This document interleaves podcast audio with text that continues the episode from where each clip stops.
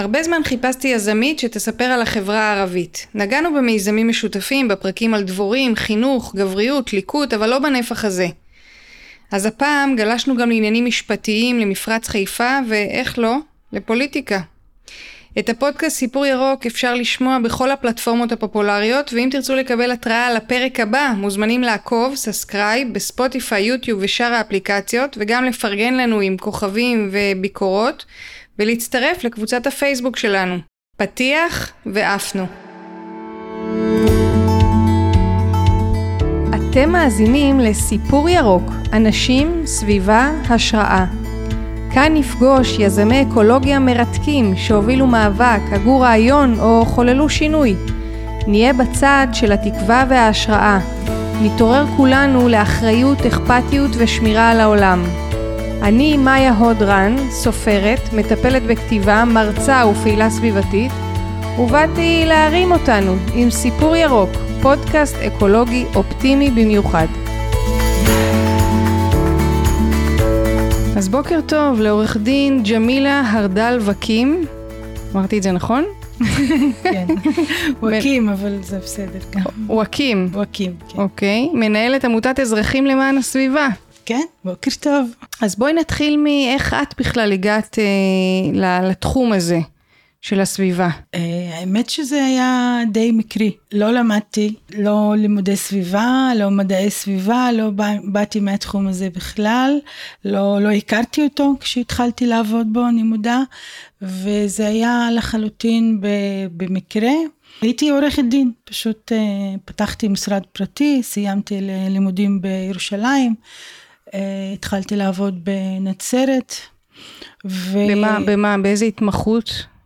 לא הייתה לי עדיין התמחות, באופן כללי ב... במשפט אזרחי, דיני עבודה, אה, דברים כאלה. ביום אחד אחותי שולחת לי מודעה שיש איזושהי עמותה שפותחת אה, משרד בפקיעין, שזה בו, הכפר שבו נולדנו, וההורים שלי עדיין גרים שם, מחפשים אה, עובדת.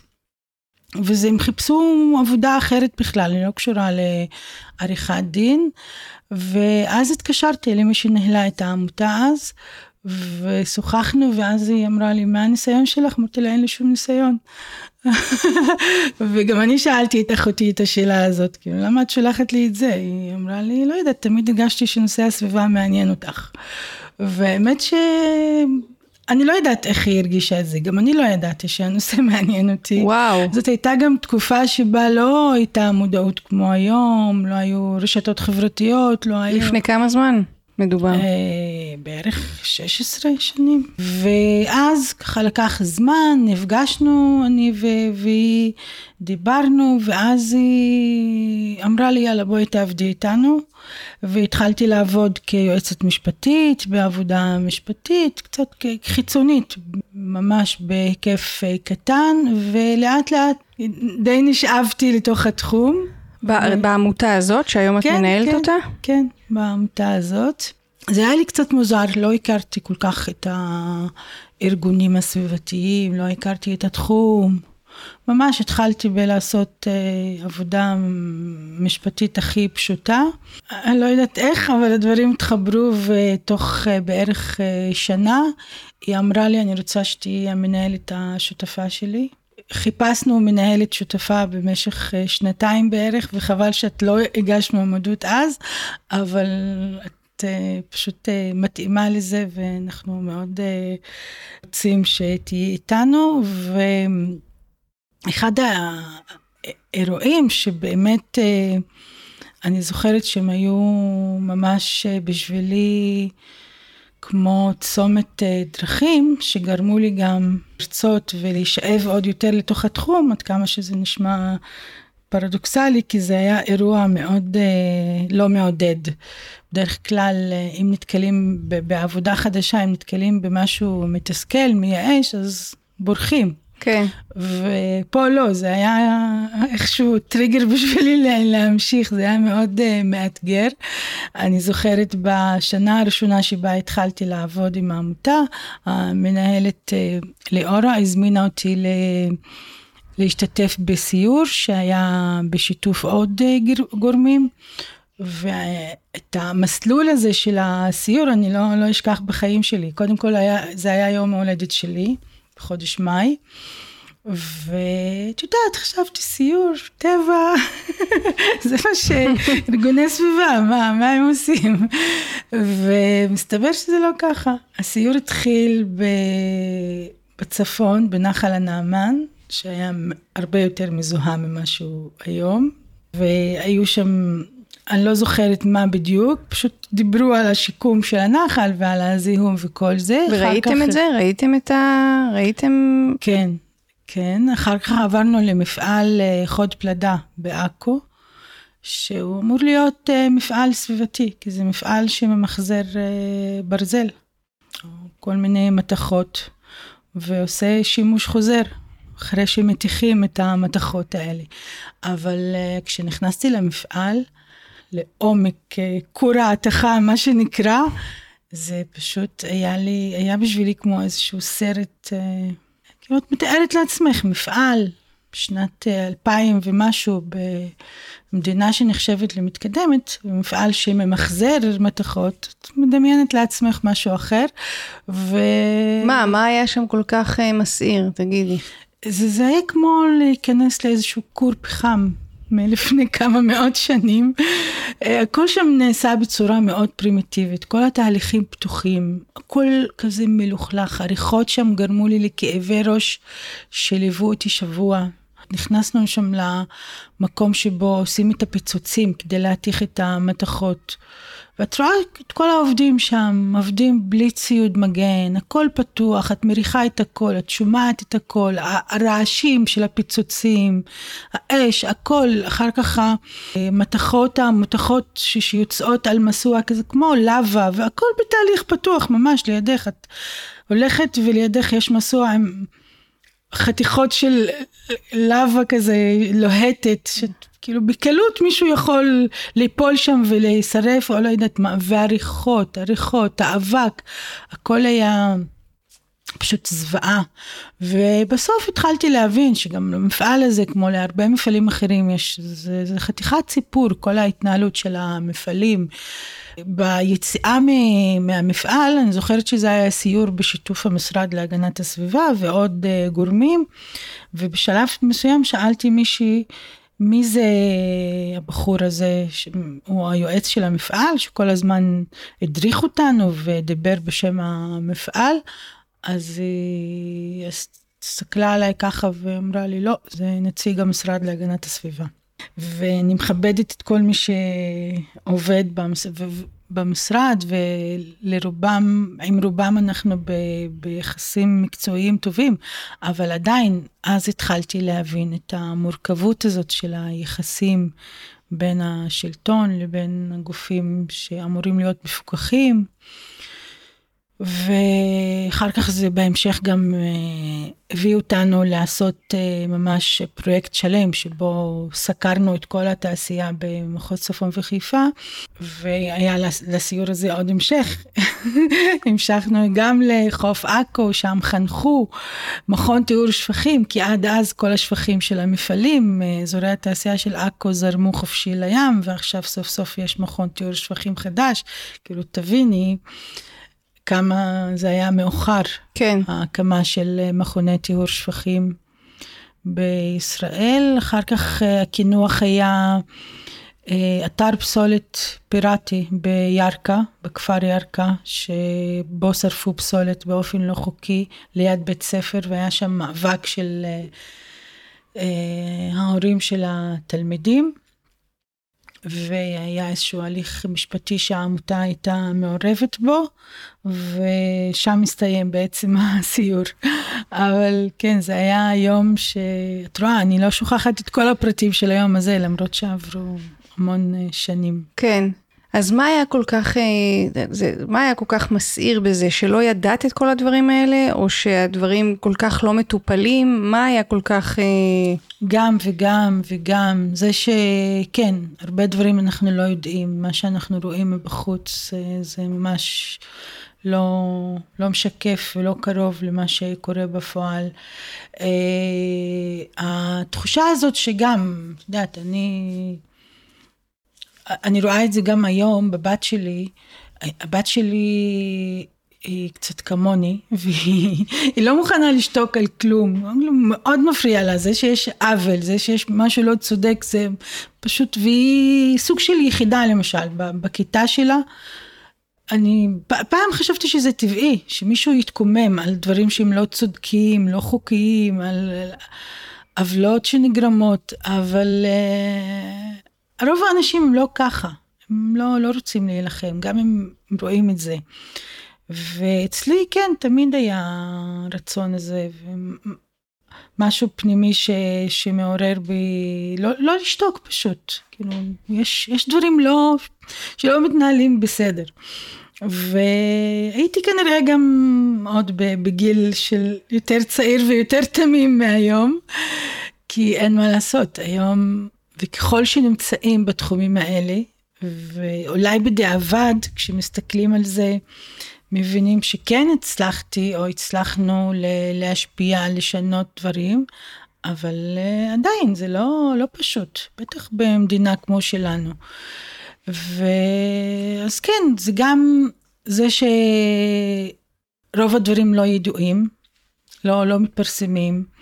Uh, הדברים, הדרך שבה מתקבלות ההחלטות uh, בין כל התחום הזה של שלטונות וגם ציבור וגם uh, תעשייה או כל מיני גופים אחרים. זה, הכל שם מאוד מאוד עקום.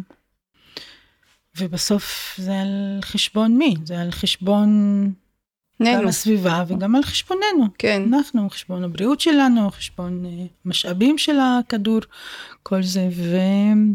את חושבת שיש הבדל אה, בין החברה היהודית לערבית בעניין של המאבק או המודעות? זה מאוד כללי מה שאת שואלת. בכל דבר יש הבדל בין החברה היהודית והערבית. אה, מה שמשותף זה בעצם שבשתי החברות יש אותן נורמות של ניהול, של ניהול שלטוני, גם בשלטון המקומי וגם בשלטון המרכזי. פחות או יותר אה, כל צד אימץ את הדברים כנראה הרעים מהצד השני, כן. ופחות את הטובים. אנחנו די דומים בכל מה שקשור למנהל תקין או חוסר מנהל תקין ושחיתות וכל הדברים הלא טובים, אנחנו די אה, דומים. מבחינת מודעות, שאלה המודעות אצל מי?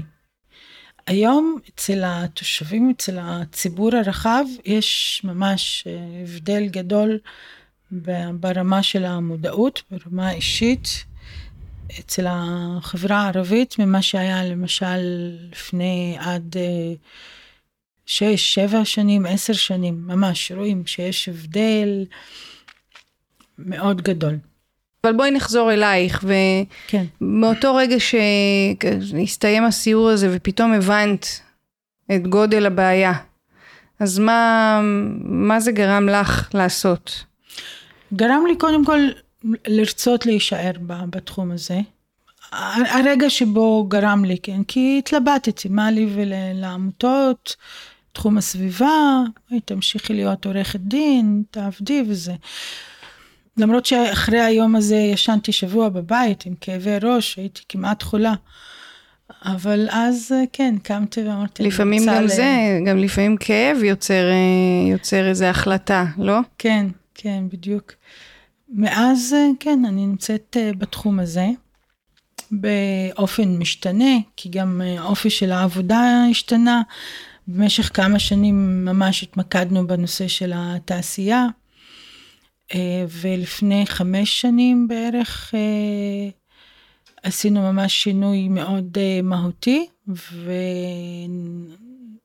ובעקבות תהליך אסטרטגי פנימי גם החלטנו שאנחנו משנים כמעט ב-180 מעלות את הכיווני פעולה שלנו והחלטנו להתמקד בעבודה בחברה הערבית.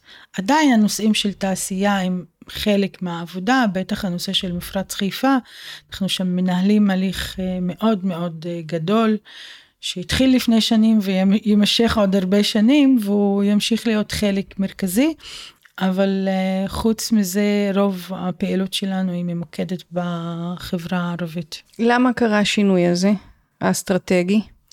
קודם כל כי יש צורך מאוד גדול. לאורך השנים, כל עוד uh, לא, לא הגדרנו את זה ממש בצורה ברורה ומפורשת, ש, שזה מה שאנחנו הולכים לעשות, אז כל הזמן נשאבנו לדברים אחרים ולא ממש בנינו פעילות שהיא מותאמת לחברה הערבית. אה, נכון, עבדנו בחלק מהדברים עם, אה, עם החברה הערבית, השתתפו אצלנו בכל מיני תוכניות, או עשינו פעילות משפטית על נושאים ביישובים ערביים, אבל עדיין לא, לא הצלחנו אה, לעשות פעילות אה, ממוקדת, כי לא, זאת לא הייתה ממש המטרה שכיוונו אליה. ומאז שהחלטנו ש, שזאת המטרה ופשוט ישבנו וניסחנו מה המטרות, מה אנחנו רוצים לעשות, באיזה דרך, אנחנו מתחילים לראות עכשיו אחרי 4-5 שנים שיש פשוט אה, השפעה, אנחנו מצליחים לעשות איזשהו שינוי, עדיין זה רחוק מ- מלהיות uh, הכי טוב, אבל... Uh, בסדר, אנחנו מתגלגלים בתנועה. כן, גם ברמה של המודעות של כן. האנשים, גם בזה uh, שהנושא נמצא בסדר היום, גם של הרשויות, גם של התקשורת הערבית. את יודעת, לפני כמה שנים, אולי היה פעם בחצי שנה איזשהו אייטם בערבית על נושאי סביבה. היום זה כמעט באופן יומיומי, ממש. אז תני דוגמה למשל לתוכנית או למשהו שעשיתם אה, שהוא מיועד לחברה הערבית. כן, עשינו כמה. בהתחלה התמקדנו יותר בעבודה ברמת הקהילה. בגדול ככה הכותרת הייתה לעודד אקטיביזם.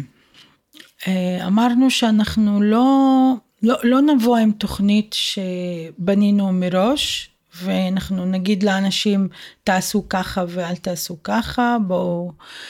לא, אמרנו אנחנו ניתן להם את הכלים, נחשוף אותם למידע וניתן להם להחליט מה, מה, מה הם רוצים לעשות ברמה המקומית, כי מה שמתאים לכפר X או לעיר X לא מתאים ל-Y וזה לא הצרכים שלהם. ובמידה מסוימת ניסינו לכוון לזה ש... לעודד את האנשים שמשתתפים בתוכניות האלה באקטיביזם כדי לשנות קצת את המנגנונים ואת המדיניות ולהשפיע בעיקר על השלטון המקומי. וזאת הייתה נקודה לא פשוטה ואולי נקודת כשל. ו... זאת אומרת מה, פניתם לראשי ערים או לא, כפרים? לא, לא ראשי ערים, פנינו לקהילה, לאנשים מהציבור והזמנו אותם להשתתף תוכנית אה, הכשרה למנהיגות סביבתית. אבל מה, את מי זה, כאילו, איך פניתם? את מי זה מעניין בעצם? כי את אומרת שהנושא... זהו, מסתבר אה. שזה כן מעניין אנשים. אוקיי. בעיקר אנשים, גם יש שני סוגים של אנשים שמעניין אותם, או שאנשים שסובלים מבעיה מסוימת ויש להם drive לטפל בבעיה. למשל, תני דוגמה לבעיות. אה, מפגע ריח, שריפות פסולת, שזה... ליד הבית כזה. כן, משהו, משהו שמפריע לי ליד הבית, זה תמיד כן. הדרייב הראשוני. נכון. ו, אבל אלה אנשים, זה, זה לא ממש חוכמה, כי אלה אנשים שתמיד פנו אלינו, מעצמם. כי אנחנו גם עושים עבודה משפטית, שנקרא אכיפה אזרחית סביבתית. ואנשים יודעים שאנחנו הכתובת בדברים כאלה, ומי שמפריע לו משהו, מתלונן. בטח כשאנחנו במדינה שכמעט אין בה כתובת לתלונות. תתפלאי לשמוע, אבל יש נתח מאוד גדול או לא קטן, נקרא לו בחברה הערבית, שאנשים, שהנושא הסביבתי פשוט נמצא אצלם בלב, זה חשוב להם, הם מבינים את זה, אה, הם רוצים לפעול בנושאים האלה, ורוצים להיות אקטיביסטים, הם פשוט לא, לא מוצאים איזושהי מסגרת, או אין להם את התשתית המתאימה ביישוב להם, ביישוב שלהם. אז מה, נתתם, אז נתת... כן, אז נתתם להם מידע. יותר כלים בארגון אה, קהילתי, מידע, הרצאות בתחומים סביבתיים, אה, הם עשו מיפוי למשל של בעיות סביבה, עשו סקרים בתוך היישוב, אה, בנו תוכנית עבודה. אה, עשו שיתוף פעולה עם המועצה והתחילו את דרכם. חלק פחות הצליח, חלק יותר הצליח והפכו להיות ממש אה, גוף אה, עצמאי שעושה עבודה סביבתית. יש לנו קבוצת נשים למשל בעוספיא.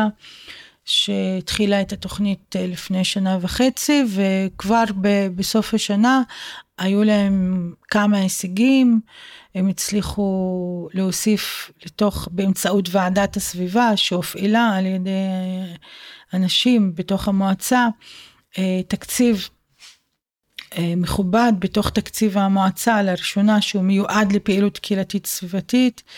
הם הקימו מיזם של בגדי, המשני, בגדי יד שנייה והם פשוט מתפעלות אותו והצליחו לגייס גם תקציב קטן בשביל ההוצאות. פשוט הפכו להיות ממש אה, ארגון סביבתי מקומי שפעיל והם נמצאים איתנו בקשר והם גם משתלבות בעוד אה, קורסים והשתלמויות. איזה יופי. כן, חלק מהקבוצות שעברו את התוכנית לא, לא המשיכו, הייתה או מציאות אה, פוליטית מורכבת בתוך היישוב, אה, או שהיו בעיות אה, וחסמים אחרים, אבל כפרטים, אנשים שהשתמשו, שהשתתפו בקורסים, אז חלק מהם כן המשיכו ו... או באופן פרטי, או שחברו אלינו אחר כך בתוכנית אחרת, ואנחנו רואים שהם פשוט רוצים להיות פעילים. אז אה, זה, זה מה שעשינו במשך שלוש-ארבע שנים בערך, אחר כך התחלנו לפתח תוכניות או השתלמויות שהן יותר רוחביות, לא מקומיות. אה, שנה שעברה היה לנו קורס מאוד מוצלח אה, של, שנקרא מבוא לאקטיביזם סביבתי בחברה הערבית, שבו השתתפו 20 משתתפים ומשתתפות מכל מיני יישובים, בעיקר מהגליל, פחות מהמשולש. והפיקו בסופו תערוכת פוטו וויס סביבתית, שהם צילמו והם אה, הפיקו ועשינו תערוכה, וחלק מהן, אחרי שסיים את הקורס, הפך להיות פעיל בפני עצמו, או שעשה... אה, שהיום הם עושים איזושהי פעילות מקומית בתוך היישוב, או שהם חברו אלינו להיות אה, פעילים בעמותה. השנה יש לנו עוד קורס שהתחלנו עכשיו לאנשי תקשורת בחברה הערבית, גם שם יש לנו משהו כמו 25 עיתונאים ועיתונאיות ערבים שהתחילו הכשרה בנושאי אקלים וסביבה. וואו, כן? מה, מה, על מה נגיד, תני תכנים מהקורס הזה. זה מגוון, אבל זה בעיקר אה, מין מבוא כזה, להכיר את הנושאים, הנושאים המרכזיים. מקומי, אה, מה, נושאים מקומיים מרכזיים, לא, לא, נושאים לא, מקומיים לא, או העולם, מה קורה בכלל, בעולם? כן, להב, קודם כל להבין מה זה משבר האקלים, כשמדברים על משבר האקלים, מה המשמעות. מבחינה מדעית נטו, מה, מה המשמעויות. ותביני, אולי המידע נמצא ברשת, אבל בערבית למשל יש מעט מאוד מידע. ואנשי תקשורת כשהם רוצים להנגיש את המידע הזה לציבור, הרבה פעמים המושגים הם מאוד רחוקים בשבילם. ובתוכנית הזאת אנחנו כל הזמן מחפשים איך לעשות את החיבור הזה בין הגלובלי הגדול, בין המשבר הגדול, לבין המקומי, איך זה משפיע עלינו. וזה האתגר הגדול בכל הנושא של אקלים ו- וסביבה. כי הכל נראה רחוק, לא ממש נוגע לי. ופה ממש אנחנו חיפשנו את איך בכל נקודה ובכל זווית, איך אה, למצוא את ההקשר, גם אפילו מבחינת השפה, מבחינת ההתאמה התרבותית, איך להביא את הנושאים. אז בנינו תוכנית שיש בה... תני דוגמה ל- להתאמה כזאת. אה, למשל, הקשר בין המשבר של החיטה לבין הנושא של האקלים. איך זה בסוף משפיע עליי, על הכיס שלי. זה נכון, זה משותף לכל, לא רק לחברה הערבית, אבל ברגע שעיתונאי יביא את הסיפור של ההשפעה של משבר האקלים, ויבין, הוא בעצמו יבין, זה משהו שהם לא הבינו קודם, שהמחירים של החיטה והפיתות שקונים במאפייה בכפר עלו משהו כמו 30 אחוז בשנה האחרונה, לא, לא בגלל הקורונה. ולא רק בגלל המלחמה באוקראינה, זה התחיל אולי חלקית בגלל המלחמה באוקראינה, אבל ההשפעה המכרעת על המחירים הייתה משבר האקלים ותקופת היובש שהודו חווה בחודשים האחרונים. וזה אחד מההיבטים אנשים לא נחשפים אליהם בדרך כלל, לדקויות האלה. ואם מתחילים לאט לאט לעשות את החיבור הזה, שהכל בעצם מחובר, פוליטיקה, מלחמות, הכל קשור בעצם במשבר האקלים, כן. אז יותר קל גם להביא את הנושאים האלה לחברה הערבית. כי כל עוד אנחנו קוראים לזה רק משבר האקלים, במילים האלה, זה, זה נשאר רחוק, ובמציאות שבה אנשים חיים במצב כל כך מורכב, גם מבחינה פוליטית, גם מבחינת אלימות, גם מבחינה חברתית. מאוד, מאוד קשה להכניס את הנושאים האלה אם לא עושים את החיבור, והחיבור הקיים, אנחנו לא ממציאים אותו, זאת המציאות. את מוצאת קשר בין, ה, בין אה, הנושא הזה לאלימות, לאלימות בחברה הזאת? בין מה, הנושא של האקלים? כן, או שאת אומרת שיש, שפשוט יש סדרי עדיפויות, אז מתעסקים קודם עם הדברים האקוטיים, הקריטיים, ואחר כך ואז כן. זה נדחק לסוף. כן, אנחנו יודעים היום שכן יש השפעה למשל לחום על רמת האלימות, אבל אצלנו האלימות התחילה עוד לפני, לא הייתי מייחסת את זה, ל... את האלימות שיש אצלנו לנושא של האקלים, למרות שיש איזשהו קשר מדעית, אבל אה, כן, כמו שאמרת, מטפלים קודם כל, זה, זה בעצם מה שהכי חשוב בסוגיה הזאת, שזה שהחברה עסוקה כל הזמן בכיבוי שריפות, ב, ב, בהלוויות של אה, נרצחים, שזה ממש על בסיס יומיומי, אין יום שבו לא שומעים כמעט על רצח בחברה הערבית. אתמול היה אחד, אתמול בחור בן 17 נרצח כי משפחת פשע שכרה אותו כדי ללכת לנסוע לעשות חיסול ביישוב אחר, בן 17, תביני באיזה מצב, וזה ממש, זה חדשות יומיומיות, ועדיין אנחנו מאמינים שגם במצב כזה, זה לא אומר שאנחנו לא נתעסק בנושאים האחרים, אלא להפך, לפעמים העיסוק בנושאים האחרים אולי יכול לתרום להפחתת תופעות אה, בעייתיות אה, אחרות. כן. כי אחד הדברים שאנחנו גם...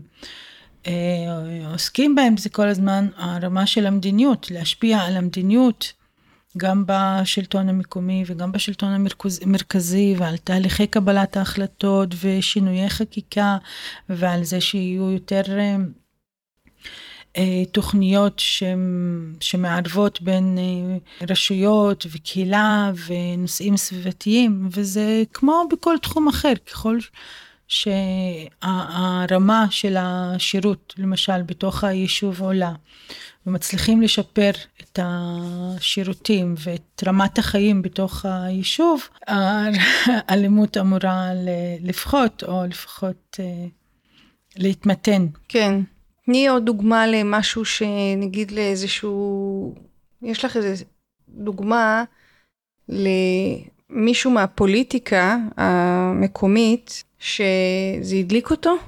הפוליטיקה המקומית הערבית? כן. לצערי לא. לא. זאת אומרת שאתם לא. יותר נסמכים על, על ציבור. תקשיבי, היום ראשי רשויות ערביות כבר יותר מבינים, והם בעצמם אומרים שזה נושא שהם מודים שהם לא מצליחים להשתלט עליו, ושזה מעסיק אותם יותר ויותר. במיוחד בנושאים הנראים היומיומיים, כמו פסולת למשל. פחות מעסיק אותם נושאים אחרים, אבל נושאים של פסולת, גם בגלל שזה נושא שהוא נראה מאוד גרוע, פסולת מצטברת, נשרפת, יש שם מלא תלונות, וגם בגלל שזה נתח תקציבי מאוד גדול. ראשי רשויות כל הזמן אומרים את זה, זה הפך להיות uh, ההוצאה הכי גדולה של הרשות, ואנחנו עדיין לא מצליחים להשתלט על זה. וואו. כן, וזה לאט לאט מה שמביא אותם ל- לעסוק. יש אה, רשויות שבהן ראשי הרשויות כבר טיפה בשלב יותר מתקדם ומבינים יותר את ההשלכות היותר אה, רחוקות ועושים את התכלול הזה של כל נושא הקיימות ומנסים לעשות משהו שהוא קצת יותר אה, הוליסטי ומעמיק. אבל ברוב המקומות כן, זה מתחיל מ... כן, גם, גם ברמה של ראשי הרשויות, כמו התושבים, זה מתחיל מזה שמשהו, יש בעיה שלא מצליחים לטפל בה, אנחנו סובלים ממנה, אבל okay. אוקיי. זה, זה משתפר, גם, גם פה, אם משווים ל, ל, לפני עשר שנים למשל. אני חושבת שזאת כמו בכל המפלגות, אם אנחנו גם תכף לקראת בחירות, אז אה, היום יש בכל מפלגה מישהו שמתעסק בדבר הזה, כי בגלל דרישה ציבורית. כן. מבחינת המנהיגים שלנו, אולי הם היו רוצים להתעסק רק בענייני ביטחון, אבל יש פה דרישה טיפה לגדול גם למקומות אחרים. בדיוק, כן, זה גם אחד הדברים שתמיד בבחירות לרשויות המקומיות אנחנו עושים. עושים סוג של קמפיין כזה מול המועמדים, מבקשים מהם להתחייב על, אה, לעסוק או לטפל בנושאים סביבתיים מסוימים בתוך היישוב, ופעם האחרונה עשינו את זה יחד עם הקבוצות של התושבים. ביקשנו מהתושבים הם בעצמם לבחור מה הנושאים שהם רוצים שהמועמד יטפל. והם רשמו, כל יישוב רשמו אה, ארבע נקודות כאלה, והם הלכו והחתימו את המועמדים. בדרך כלל יש כמה מועמדים, ארבעה, חמישה מועמדים, ולא כולם חתמו. לא שזה, את יודעת, מחייב אותם, או שהם ממש פועלים לפי זה, זה, זה ברור, אבל עדיין זה מביא את הנושא לתודעה שלהם. לגמרי. זה, ואחר כך שהם רואים שיש, uh, התושבים פונים אליהם, וזה מעניין אותם, ויש איזושהי הנאה ודרישות מצד היישוב, כי התושבים, אז uh, דברים מתחילים להשתנות. ותהליך נוסף שהתחלנו בשנה האחרונה לעשות, זה להפעיל את ועדות איכות הסביבה ברשויות הערביות. הוועדות הסטטוטוריות. אה, ועדה שאמורה להיות מוקמת, אה, חייבת להיות מוקמת לפי החוק בכל רשות מקומית, וברשויות הערביות, גם ביהודיות אגב, רובן לא כל כך פעילות. ברשויות היהודיות אחוז קצת יותר, אבל אה, לפחות יותר מ-85 אחוז כשהתחלנו את הפרויקט מהוועדות לא היו פעילות בכלל, וזאת ועדה שההרכב שלה מעניין. אמורים להיות בה אה, שלושה חברי מועצה, מי שאחראי על נושא סביבה ברשות המקומית ושני נציגי ציבור ש... שהם תושבי המקום. ששניהם ממונים בהתייעצות עם ארגוני הסביבה ואחד מהם הוא נציג של ארגוני הסביבה. זה אמור להיות מקום או כזה מין הרכב שגם מבטיח גם מצד אחד את המעורבות של התושבים וגם את הקשר הזה שהרשות המקומית הייתה רוצה מול התושבים כדי להבטיח שיתוף פעולה בנושאי סביבה וזה פוטנציאל מאוד מבוזבז. אז בשנה האחרונה ממש עבדנו חזק מול כל הרשויות, היום כמעט ב-90 הוועדה קמה. עשינו, התחלנו לעשות השתלמויות לחברי הוועדות, סיימנו עכשיו השתלמות אה, ראשונה, יהיו בהמשך עוד אה, שלוש השתלמויות, ואנחנו נותנים גם ליווי יותר אה, צמוד לחלק מהוועדות. מה למשל? וזה גם גוף שאמור לה, להגיד לראש המועצה, הופה, יש פה נושאים חשובים, יש פה ועדה מתפקדת. שיש לה החלטות, ההחלטות מובאות לישיבות המועצה, וזה שם את הנושא כל הזמן במקום. הוא נוכח, מנכיח את הנושא. כן. אז תני דוגמה למשהו שלומדים בהשתלמות כזאת. מתחילים בללמוד את הנושאים, את הבסיס, הבסיס אה, החוקי הסטטוטורי של הגוף הזה, מין מבוא לכל מיני נושאים סביבתיים, למשל נושא פסולת, מה החוק אומר. כי זה נושא מאוד מורכב למשל, אנשים חושבים שזה פשוט, אבל מבחינה חוקית, ההסדרה של תחום הפסולת הוא אחד התחומים הכי מורכבים. למה? כי המחוקק הישראלי הוא מאוד מתוחכם, אז אין חוק פסולת למשל. כאילו, אם תשאלי את עצמך איך הרשות המקומית צריכה לטפל בפסולת, או מה האחריות שלה, זו לא, לא שאלה פשוטה בכלל. גם בתור עורכת דין וגם מי שבאה מהתחום, אני לא יכולה לתת לך תשובה קצרה וברורה. לנושא הזה. צריכה לחפש בין לפחות 15 חוקים, לבחור מפה, להוציא סעיף משם, וזה חתיכת עבודה להגדיר מה האחריות. ויש לנו בעיה במדינה, היא כללית, אבל היא יותר uh, מתבטאת וחזקה בתחום הסביבתי, שהמדינה אומרת, uh, uh, אני, אנחנו מצד אחד רוצים להעצים מה שנקרא את השלטון המקומי, ורוצים לתת לו עצמאות.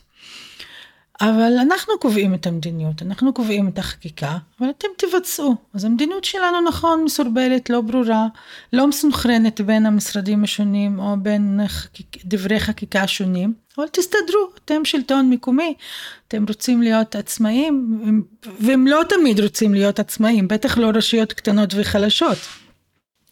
אבל אנחנו קובעים ואתם תתמודדו, מה, מה התוצאה?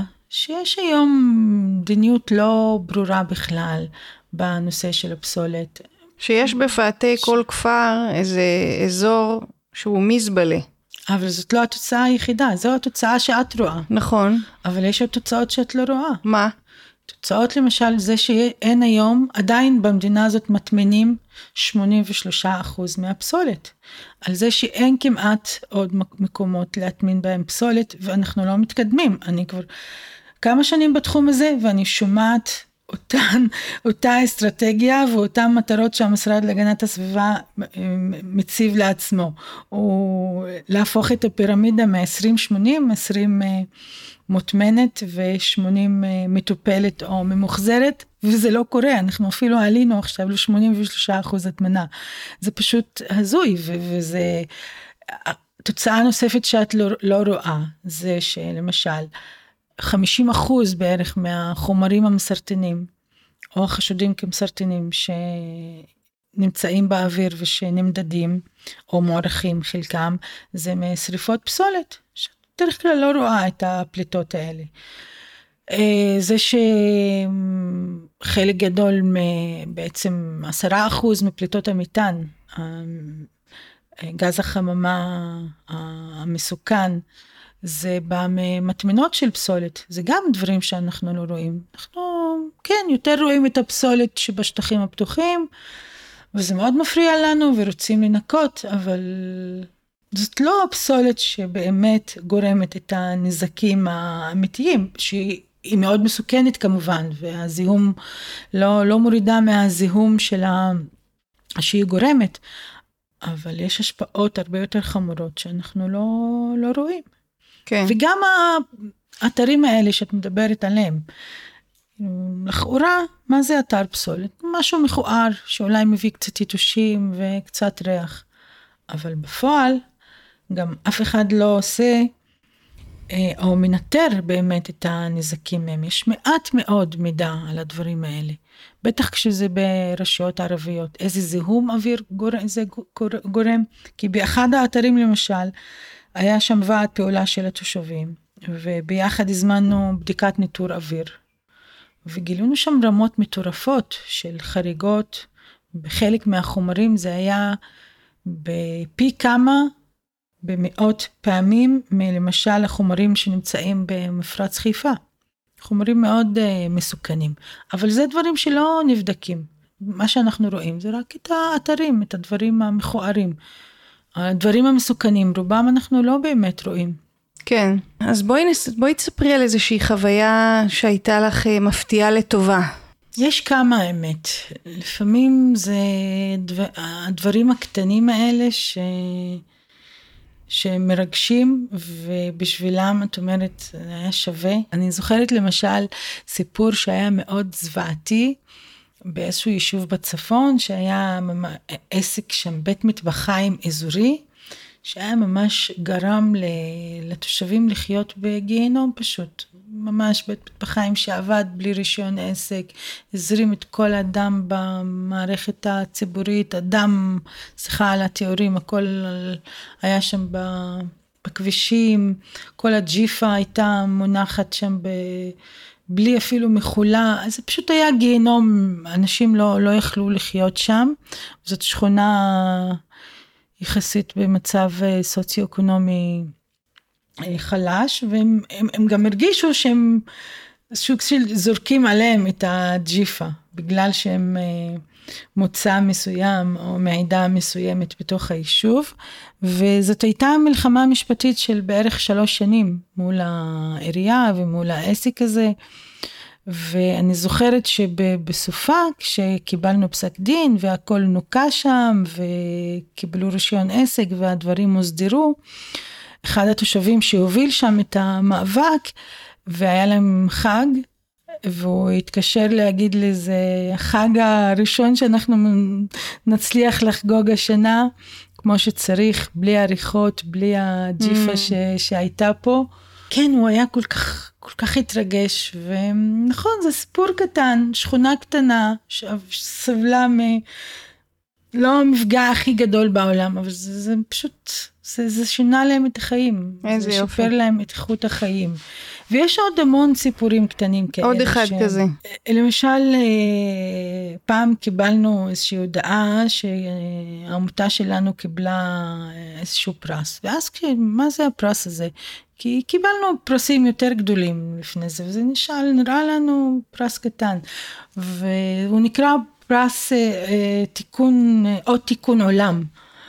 ואז גילינו שזה תיכוניסטים או חטיבת ביניים, לא זוכרת, תלמידים פשוט, אה, שיש להם אה, מין פרס כזה שנתי, שבו הם ממש עושים אה, מחקר, הם בעצמם, התלמידים, חוקרים, בוחרים מהארגונים שלדעתם עושים תיקון עולם.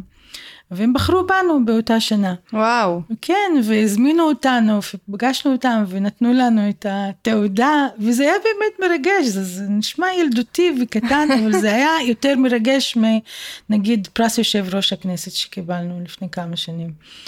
כי זה באמת, יש שם פוליטיקה, זה תלמידים, ואת רואה את הרצינות שבה הם עבדו, הם חקרו, הם ידעו הכל על העבודה שלנו, ישבו בינינו לבין עוד ארגוני סביבה, בסוף בחרו בנו. זה פשוט, כן, זה מהרגעים המרגשים. כן. כן, גם לראות שזה גם נקודה מאוד חיובית שרואים, המודעות אצל הגיל הצעיר, היא כל כך הרבה, יותר גבוהה מהדור שלנו. חבל שאנחנו בשלב מסוים מקלקלים להם את זה, ואחרי כן. שהם יוצאים ממערכת החינוך... אה, לא, הם אומרים שהם אלה שיחזיקו את המושכות עוד מעט. אומרת... כן, אבל אנחנו לא נותנים להם לא יודע, ממש זה... אה, יותר מדי אפשרויות. כי יש היום באמת יש הרבה יותר חינוך סביבתי בבתי הספר. וזה... Yeah, אז באמת, מה, באמת בחברה הערבית, יש בתוך בתי הספר גם תוכניות? כן, יש, יש הרבה. עד כמה שאני יודעת, אנחנו פחות עוסקים בתחום uh, החינוך בבתי ספר, אבל uh, אני יודעת למשל שיותר מחצי מהבתי ספר הירוקים שעברו מה שנקרא הסמכה לבית ספר ירוק הם החברה הערבית. אבל איכשהו, אני חייבת להודות, זה לא מורגש. כי זה לא, לא מתחבר עם, עם, עם מה שמחוץ לבית הספר. זה לא מתחבר עם המציאות המקומית, לא עושים את החיבור עם הקהילה, לא עושים את החיבור עם הרשות המקומית, זה איכשהו נשאר בתוך כותלי בית הספר. אני רואה למשל הבת שלי בכיתה ד', חלק גדול מהתכנים, ממש תכנים שלפני עשר שנים לא, לא ראיתי. חלק גדול מהתכנים בנושאי סביבה, זיהום וטבע וכל הנושאים האלה, אה, אבל עדיין זה לא חלק ממתכונת הלימודים. ויש בתי ספר, במיוחד בתי ספר אה, מוכרים לא רשמיים, ששם אין בכלל את התוכניות הנוספות שיש בחינוך סביבתי. אבל אה, איפה שיש, זה נכון, את רואה שהמודעות אצל התלמידים היא גבוהה, זה נמצא אצלם בראש, אבל הם לא מצליחים פרקטית לחבר, את, ליישם את מה שהם יודעים, אין להם את האפשרות, וזה גם אצל אה, המבוגרת שיש לה מודעות, זה, זה המצב, יש מודעות, אנחנו רוצים לעשות, אבל אין לנו תשתית. למשל, אנחנו רוצים להפריד פסולת, אבל המועצה בקושי אוספת אה, סוג אחד של פסולת פעם בשבוע, גם לא בצורה מיטבית, אז גם אם נפריד, אה, זה לא יעזור, אין לנו איפה להשליך את זה. והלאה בעוד אה, כל מיני נושאים. מה קורה בעולם הערבי מבחינת העיסוק בסביבה? את יודעת להגיד? אה, אני, כן, אני יודעת להגיד שיש שם מודעות הרבה יותר גבוהה מפה, גם ברמה של הממשלות, משרדי הממשלה. תני למשל, ש... איזה, איזה מדינה מובילה אה, ב, ביחס שלה לדבר הזה בעולם הערבי? קשה לי להגיד, לא ממש חקרתי את זה לעומק, אבל אני רואה שיש בעיקר שרות סביבה בעולם הערבי. יש דבר כזה? כן, יש אפילו יותר ממשרד ממשלתי אחד, יש משרד המים למשל, ומשרד הסביבה, יש כמה משרדים ממשלתיים בהרבה מדינות ערביות שאחראיות על אה, תחום אה, סביבה. אה, עדיין, עד כמה באמת מצליחים לעשות שינוי אמיתי, אני פחות יודעת, ופחות בקשר עם תנועות סביבה מהעולם הערבי, כי זה מאוד קשה מבחינה פוליטית.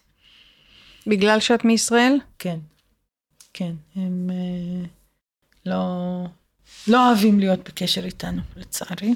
כן. דווקא תמיד חשבתי שהעולם הסביבתי זה משהו שיכול להביא את השלום, כי סוף סוף אפשר לשים כל מיני עניינים אחרים בצד. ולהתעסק במשהו שכולנו סובלים ממנו ביחד. העולם קצת אה, יותר מורכב. כן? מה, כן, מהנאיביות הזאת. אבל כן, ברמה של אה, העבודה, אפילו גם ברשות הפלסטינית, אני יודעת שיש שם עבודה יחסית מתקדמת, אבל מצד שני יש משאבים מאוד מוגבלים.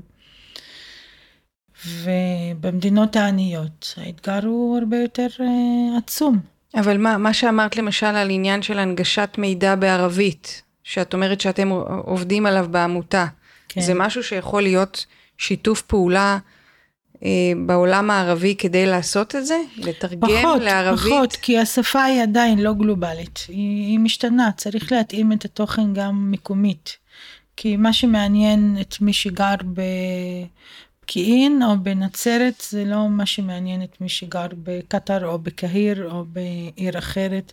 הנושאים אחרים, הבעיות אחרות, וההנגשה היא כוללת את כל האלמנטים האלה. כן. כשאת רוצה להנגיש נושא, את לוקחת אותו ולשה אותו מחדש, את לא רק מתרגמת אותו. כן, מתאימה אותו. של, כן, mm-hmm. את ההיבט, את ההקשר של הדברים. אז אה, זה גם לא קום. אז כשאתם עובדים עם העיתונאים, שאמרת על הקורס הזה שאתם עושים, אז יש שם דגש על העניין המקומי? כן, החיבור, איך זה מתחבר. איך כל הזמן אנחנו מנסים למצוא את החיבור הזה, איך להביא את הנושא באופן שזה יהיה רלוונטי למי שמקשיב, מאזין לדברים האלה, וגם איך איך ל, ל, להוציא את הנתונים, למשל, אם זה נגיד עיתונאי שמראיין אה, שר או חבר כנסת, לשאול אותו את השאלות הנכונות. ואגב, זה משהו שאני שמחה לשמוע כל הזמן, לפני שהתחלנו בכלל את התוכנית הזאת, אני הרבה פעמים פותחת את הרדיו ואני שומעת את המראיין, נגיד, פעם האחרונה שמעתי מישהו מרדיו שמס מראיין את השרה להגנת הסביבה על חוק האקלים. והוא שואל את השאלות הנכונות, כאילו מתי חשבנו שכן, זה מפתיע אותה. כן, הוא מתקיל אותה ומאתגר אותה ויש לו את השאלות הנכונות. אוקיי, okay, תני לי, תני לי אה, דוגמה לאיזשהו מאבק שניהלתם ש... שהצליח, מאבק משפטי, שאת היית מעורבת בו. זהו, מאוד קשה להגדיר הצלחה בתיקים כאלה, זה כמו למשל בתיקים של זכויות אדם, אבל למשל סגירה של אתרי פסולת, אתרים לא חוקיים, גדולים, הצלחנו לסגור לפחות ארבעה, חמישה אתרים בעקבות הליך משפטי בשנה האחרונה.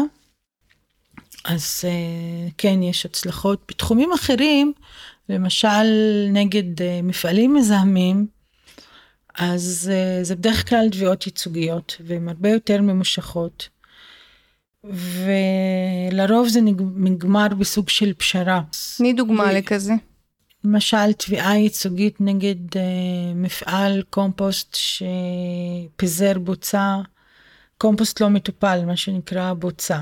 ובסוף זה, אחרי כמה שנים זה נגמר בהסדר שבו היה פיצוי לא, לא הכי גבוה. אז מצד אחד, כן, הם, הם שינו את ההתנהלות, הפסיקו את ההתנהלות הבעייתית. אבל הפיצוי יחסית היה נמוך. לא, הציבור לא באמת אה, פוצע, לא היה פיצוי אמיתי. ורואים, ככל שהמזהם הוא יותר גדול, הסיכויים לקבל אה, או להצליח בתיק המשפטי הם יותר אה, נמוכים. פשוט מאוד. למה? כי מן הסתם יש לו את כל האמצעים, את כל העורכי דין, את כל המומחים שעומדים לצידו ונותנים לו את חוות הדעת. ורשות מקומית שאנחנו תובעים אותה, בדרך כלל לה, לא כל כך מתמודדת מול התביעות האלה.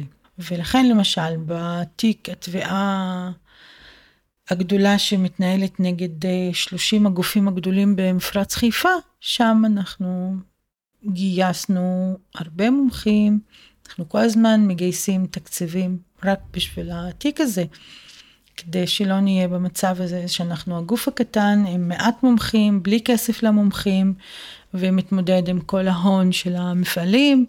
שיש להם אה, אין סוף כסף לשכור מומחים. תגיד, עדיין, אנחנו ת... בעמדה חלשה מהבחינה הזאת, הכלכלית מולם. כן. אבל מבחינת הטיעון המשפטי, אין ספק שאנחנו, יש לנו את הטיעון הכי חזק. כן.